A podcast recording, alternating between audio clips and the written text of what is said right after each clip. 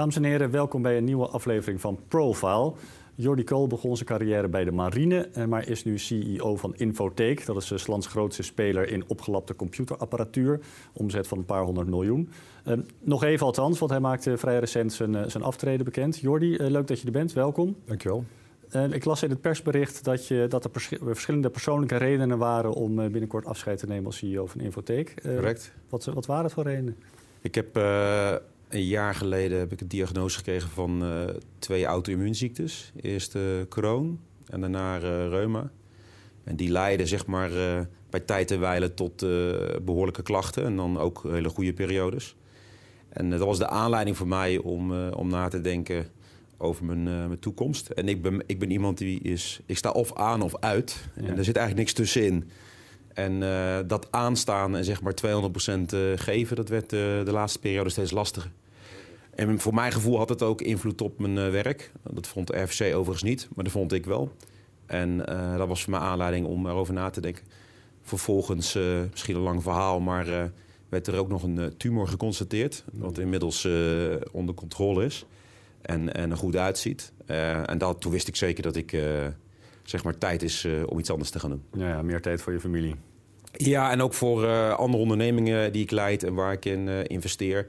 En een andere rol binnen het, uh, het bedrijf. Dus ja. een, een, rol binnen de Raad van Commissarissen. Ik blijf gewoon aandeelhouder. En ik vond ook dat de organisatie toe was aan een nieuwe CEO, eerlijk gezegd. Ik doe dit al negen jaar nu. Als CEO, 4,5 jaar volgens mij. En daar waren we gewoon aan toe.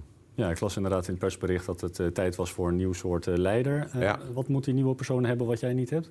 Nou, ik ik ben toch meer een, uh, een bouwer en een, uh, en een strateeg. Uh, we hebben behoorlijk wat acquisities gedaan recent. We zijn door heel veel fases gegaan van een SMB-bedrijf naar mid-market naar corporate. En nu is de focus vooral op het, ik noem het processen, procedures, automatisering en dingen strakker zetten. Dat kan ik wel, maar is niet echt mijn grootste hobby. Mm -hmm. en daar haal ik eigenlijk ook te weinig energie uit. En ik denk dat uh, die fase is eigenlijk, dat is niet wat ik denk, dat vind ik, is nu aangebroken. De planning was eigenlijk 2019, maar dat gaan we nu naar voren trekken. Hm. En uh, de persoon, uh, ja, dat zal een van de, belangrijkere taken worden, om het te stroomlijnen. En dan heb ik begrepen dat je zelf actief gaat bemoeien met de keuze van je opvolger. is dat geen klassieke fout? Want leiders kiezen altijd een zwakkere leider om, om in de voetsporen te treden, toch? Ja, ja maar ik denk dat het in dit geval andersom is. dus ik ben juist op zoek naar iemand die veel beter is. Dus we hebben eigenlijk informeel al in mijn eigen netwerk al eerder gezocht. En had ik behoorlijk uh, sterke kandidaten gevonden. Die konden helaas niet, uh, dus de timing was niet goed. We hebben het nu uitbesteed aan een, uh, aan een headhunter. En de voorzitter van de RVC leidt het traject. Ik ben wel betrokken en ik ben ook betrokken bij de besluitvorming uiteindelijk. Maar ik heb daar geen probleem mee. Nee, okay. graag zelfs. Ja, graag zelfs. Oké. Okay. Um, en, en, laten we even naar het bedrijf kijken. Hè? Want je trad 4,5 jaar geleden aan, zei je, als CEO. Ja. Um, wat, hoe, hoe, anders staat het bedrijf er nu voor dan, dan toen je aantrad? Nou, ik ben nu zo'n negen jaar betrokken. Dus in het begin deden we zo'n 55 miljoen. We doen nu zo'n 750 uh, miljoen. Het is complexer geworden. Dus er zijn verschillende business units. We zijn actief uh, in verschillende landen. We zijn ook uh, actief op verschillende segmenten van de markt. In Nederland dekken we wel uh, eigenlijk de hele markt af. We zijn steeds meer in gaan zetten op uh, circulaire economie. Mm -hmm. We verkochten altijd al, noem maar even verouderde apparatuur. Maar we zijn nu echt voor een heel groot deel gefocust op het, het geven van een tweede leven... of zelfs een derde leven aan apparatuur. We zijn ook veel meer in de huur gegaan. Dus in plaats van dat klanten een product kopen... kunnen ze het ook bij ons huren. Korte termijn en lange termijn. Mm -hmm. En dat zijn eigenlijk wel allerlei nieuwe elementen. Dus de, de business is vooral complexer geworden. En een heel veel stuk groter dan, uh, dan acht jaar geleden. En kunnen we dat volledig op jouw konto schrijven? Nee, dat doe je nooit in je uppie. Dus uh, er zijn heel veel mensen bij betrokken geweest. En ik heb laatst nog in een, in een ander interview ook... het is niet alleen het werk van de mensen die nu zitten... maar ook uh, het werk van mensen die ons verlaten hebben... na drie of vijf of zeven jaar. Dus daar hebben heel veel mensen hebben daar een rol in gespeeld. Dat kan je echt niet in je uppie. Nou, dan heb je wel een, een, paar jaar geleden de prijs uh, in ontvangst genomen voor de Best Managed Company. Hè? Ja. Uh, dan kijk je toch gelijk naar de leider. Ja, je bent uh, onderdeel van, van het geheel en iemand moet leiding geven aan het bedrijf. En ik, ik ben wel iemand van, ik noem het even geen polderen, maar ik probeer wel altijd gezamenlijk tot een besluit te komen. Er is alleen wel één duidelijk standpunt die ik altijd heeft, heb, en dat weet mijn team ook als we er niet uitkomen, dan ga ik het besluit nemen. Hm. En dan verwacht ik ook dat we allemaal dat besluit volgen. Als je dat niet doet, ja, dan ben je geen onderdeel van het team. En je ziet dat ook als bij voetbal. je kan niet iemand hebben die op het middenveld zijn eigen taken gaat zitten uitvoeren. Dus ik, ik vind dat als je, je moet samen tot een bepaalde strategie komen en een uitvoering.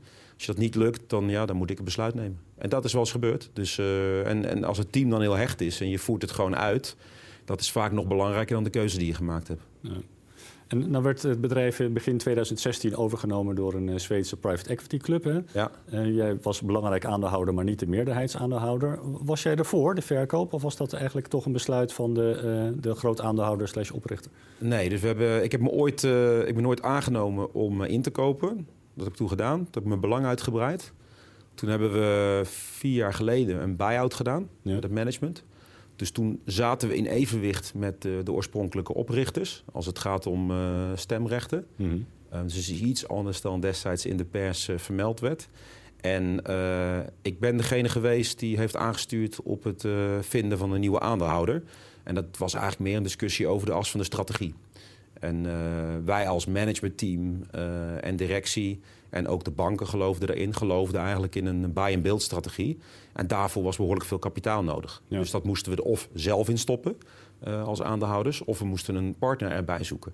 En uiteindelijk heeft dat geleid tot een, uh, de optie voor ons, uh, mij in dit geval, om het bedrijf te kopen. Mm -hmm. En ook vervolgens een verkooptraject in te gaan. En dat hebben we gedaan. Dus het was eigenlijk een combinatie waar we een optie kregen om het bedrijf te kopen. En het bedrijf dus te verkopen en een andere aandeelhouder aan boord te krijgen.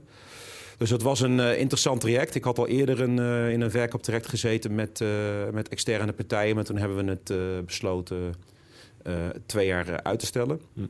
En nu nou, kwam onder andere Altor voorbij.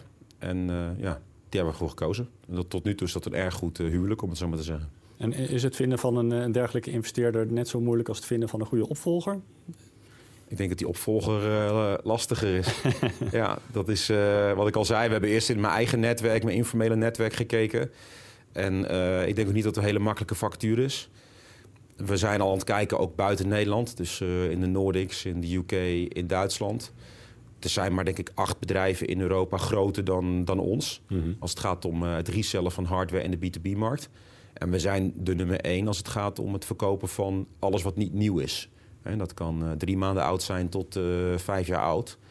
Daar zijn we in Nederland, uh, in Europa, sorry, de grootste in. Ja, en dat is best nog wel een uitdaging om iemand te vinden die al die kennis en ervaring heeft. Dat gaat waarschijnlijk ook niet zo 1, 2, 3 lukken.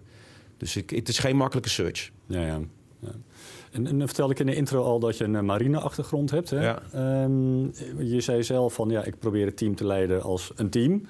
Um, merken jouw personeelsleden desondanks dat je uh, ooit bent uh, gedrild door de marine? Nou, dit is, het is best lang geleden, maar ik uh, had toevallig vanochtend nog over, onderweg hier naartoe. Um, de, die eerste twee jaar zijn best wel uh, vormend.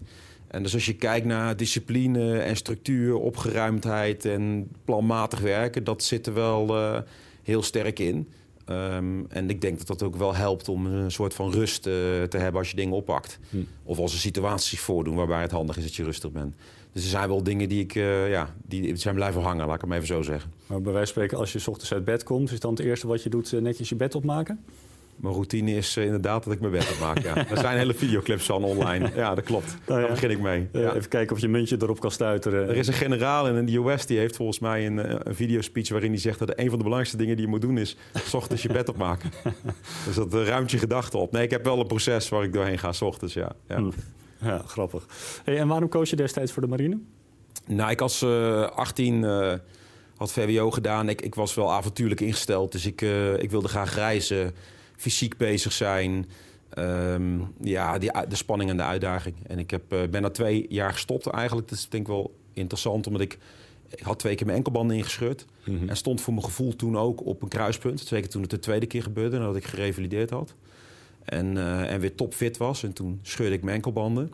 En toen heb ik ook een besluit genomen van... ja, ik moet wat anders met mijn uh, leven. Mm. En recent, door die persoonlijke gebeurtenissen en de ziektes die me even overvielen, uh, heb ik voor mijn gevoel stond ik weer op dat kruispunt.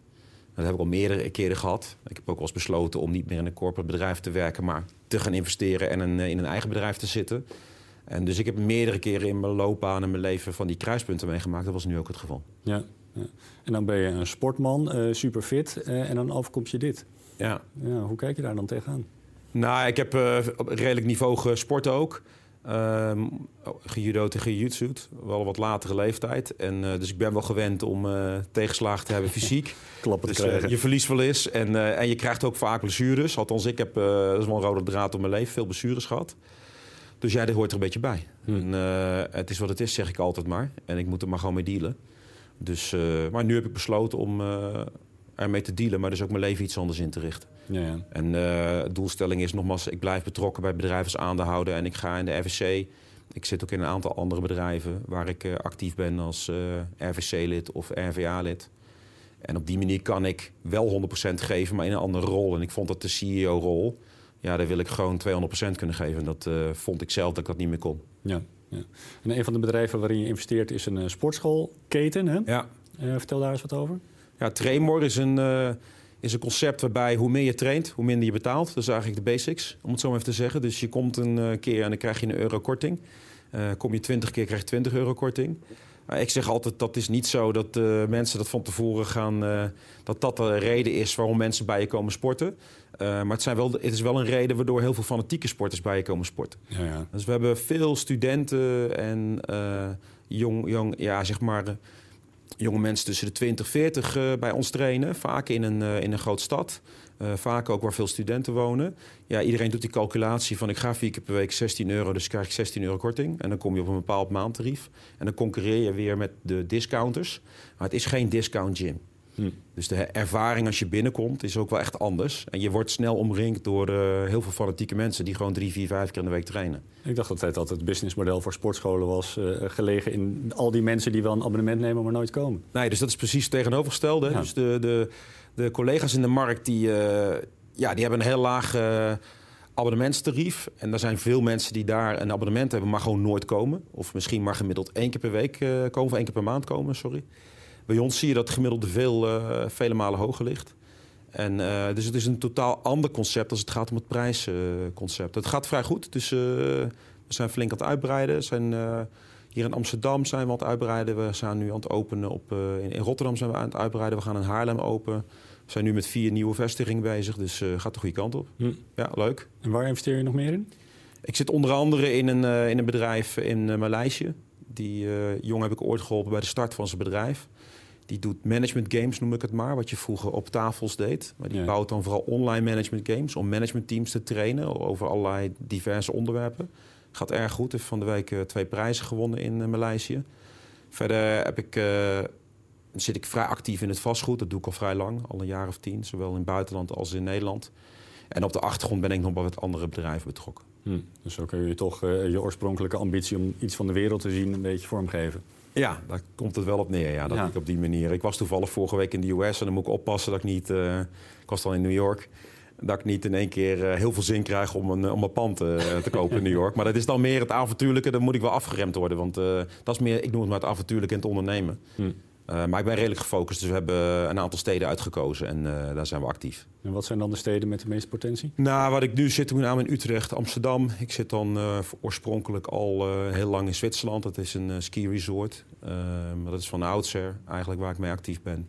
En eh, in, in Noordwijk, een badplaats. Nou ja, ja opkoming hè? Ja, ja, dus in ieder geval eh, een mooie, leuke omgeving. Ja. Ja. En een van de dingen die, me, die mij opviel is dat je eh, vrij snel onder Infotheek een eh goede doelenorganisatie hebt gehangen. Hè? Ja. En vertel daar eens wat over. Nou, ik vond zelf dat ik wat terug moest doen voor de samenleving. En blijkbaar kwam dat op dat moment bij me op. Had ik natuurlijk al eerder over gedacht. Maar toen ik al een aantal keer aandelen gekocht had en ver- verkocht had... ontstond de situatie ook zeg maar, financieel om daarover na te denken. Ehm, wij kregen heel veel aanvragen voor sponsoring, eh, voor subsidies, eh, voor bepaalde goede doelen. En ook dat wilde ik graag stroomlijnen. En toen ben ik met mezelf te raden gegaan, wat vind ik nou leuk? Dat is sport en eh, kinderen. Nou, ik las toevallig op dat moment in, een, in een krant dat er in Nederland toen 300, maar volgens mij is het nu 400.000 kinderen niet kunnen sporten.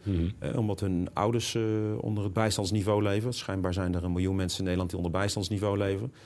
Ja, dat triggerde mij toen. Dus toen ben ik eh, gaan bellen met een aantal mensen naar aanleiding van het artikel. En zo is de stichting eh, ontstaan. Dus ik heb het gestart. Ik heb er toen eh, mensen bijgehaald. Eh, ik ben inmiddels uit het bestuur, dus het staat al behoorlijk op eigen poten.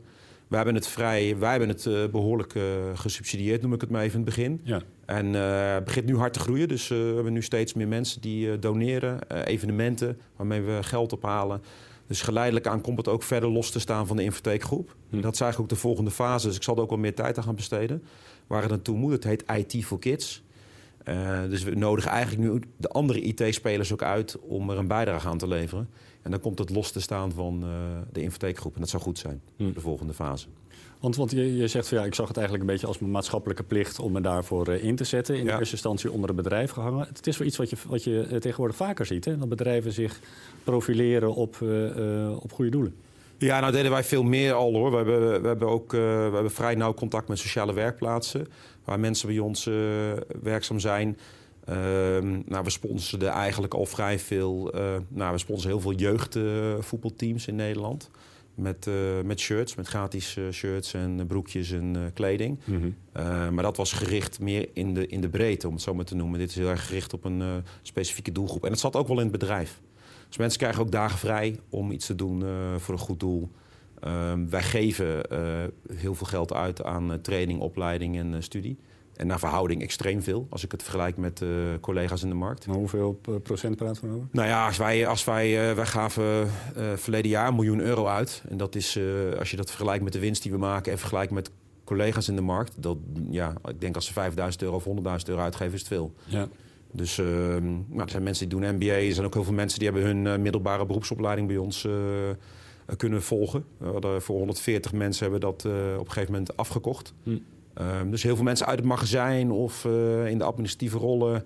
Uh, die kunnen dan ook ja, de volgende stap maken als ze zijn diploma nog niet hebben. Ja. Dus dat hele maatschappelijke zat al wel wat langer uh, in het DNA van het bedrijf. Hm, mooi. En, en, en nu ja, is, je, is je afscheid als CEO aanstaande. Hè? Ja. Um, misschien wel een mooi moment om even terug te kijken. Want we hadden het net over de dingen die goed zijn gegaan. maar misschien is het nog wel het meest leerzaam om te kijken naar de dingen die mis zijn gegaan. Uh, kun je iets noemen waar je nou echt hebt gefaald? Nou, genoeg. nou ja, ik zit even te graven. Maar nee, dat gaat, kijk, weet je, het, het, is, het gaat nooit perfect. Dus uh, in de buitenwereld, uh, met interviews, lijkt het natuurlijk altijd of alles uh, perfect gaat. Dat is niet het geval. Mm -hmm. dus ik heb wel eens mishires gehad als het gaat om de aanname van mensen. wat vaak gewoon ook context, noem het maar, gerelateerd is. Iemand is wel goed, maar past niet in de context. Ja. We hebben met uh, de verkoop aan uh, Altor Private Equity hebben een herfinanciering gedaan. Nou, tot in het verleden was ik altijd heel strak zelf betrokken bij bankfinancieringen. Ik heb het ooit nog allemaal zelf zitten lezen, zulke stapels. Dat deed ik niet meer. Uh, toen waren we te strak gefinancierd in de eerste periode. Hm. En daar hebben we wel last van gehad in het eerste jaar met Private Equity Club. Dus we hadden, vond ik, te weinig ruimte om inkoop te doen. Wat een beetje wel onze core business is. Inkopen, verwerken en verkopen. Ja. Dat hebben we daarna wel opgelost, want we hebben twee nieuwe acquisities gedaan. Uh, van Centropoint en Scholte Awater. Toen had ik de kans om die herfinanciering opnieuw te doen. Maar we hebben dus wel het eerste jaar bijvoorbeeld wel een paar keer heel scherp aan de wind uh, gezeild. En dan uh, word je wel wakker, want dat had ik eigenlijk liever niet gehad. Ik had liever meer ruimte gehad, hadden we het ook beter gedaan. Dus één keer laat je na om zo'n dik pak documenten te lezen en het gaat gelijk mis? Nou ja, zo kan je, zou je het kunnen zeggen. Hè. Dus je laat het los, je hebt het gedelegeerd. En misschien had ik het beter moeten controleren. Misschien had ik niet moeten aannemen dat, dat Alter onze business gigantisch goed kende. Dus, ehm, en ik ben er gewoon bij geweest. Dus, en nogmaals, er is ook niks misgegaan.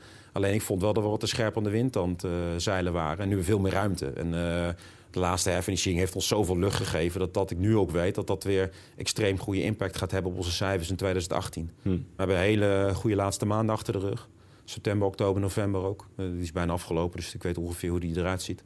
En uh, dus we staan wel uh, in pole position. Dus het is wel prettig als je binnenkomt, denk ik. Ja, dat kan ik me voorstellen.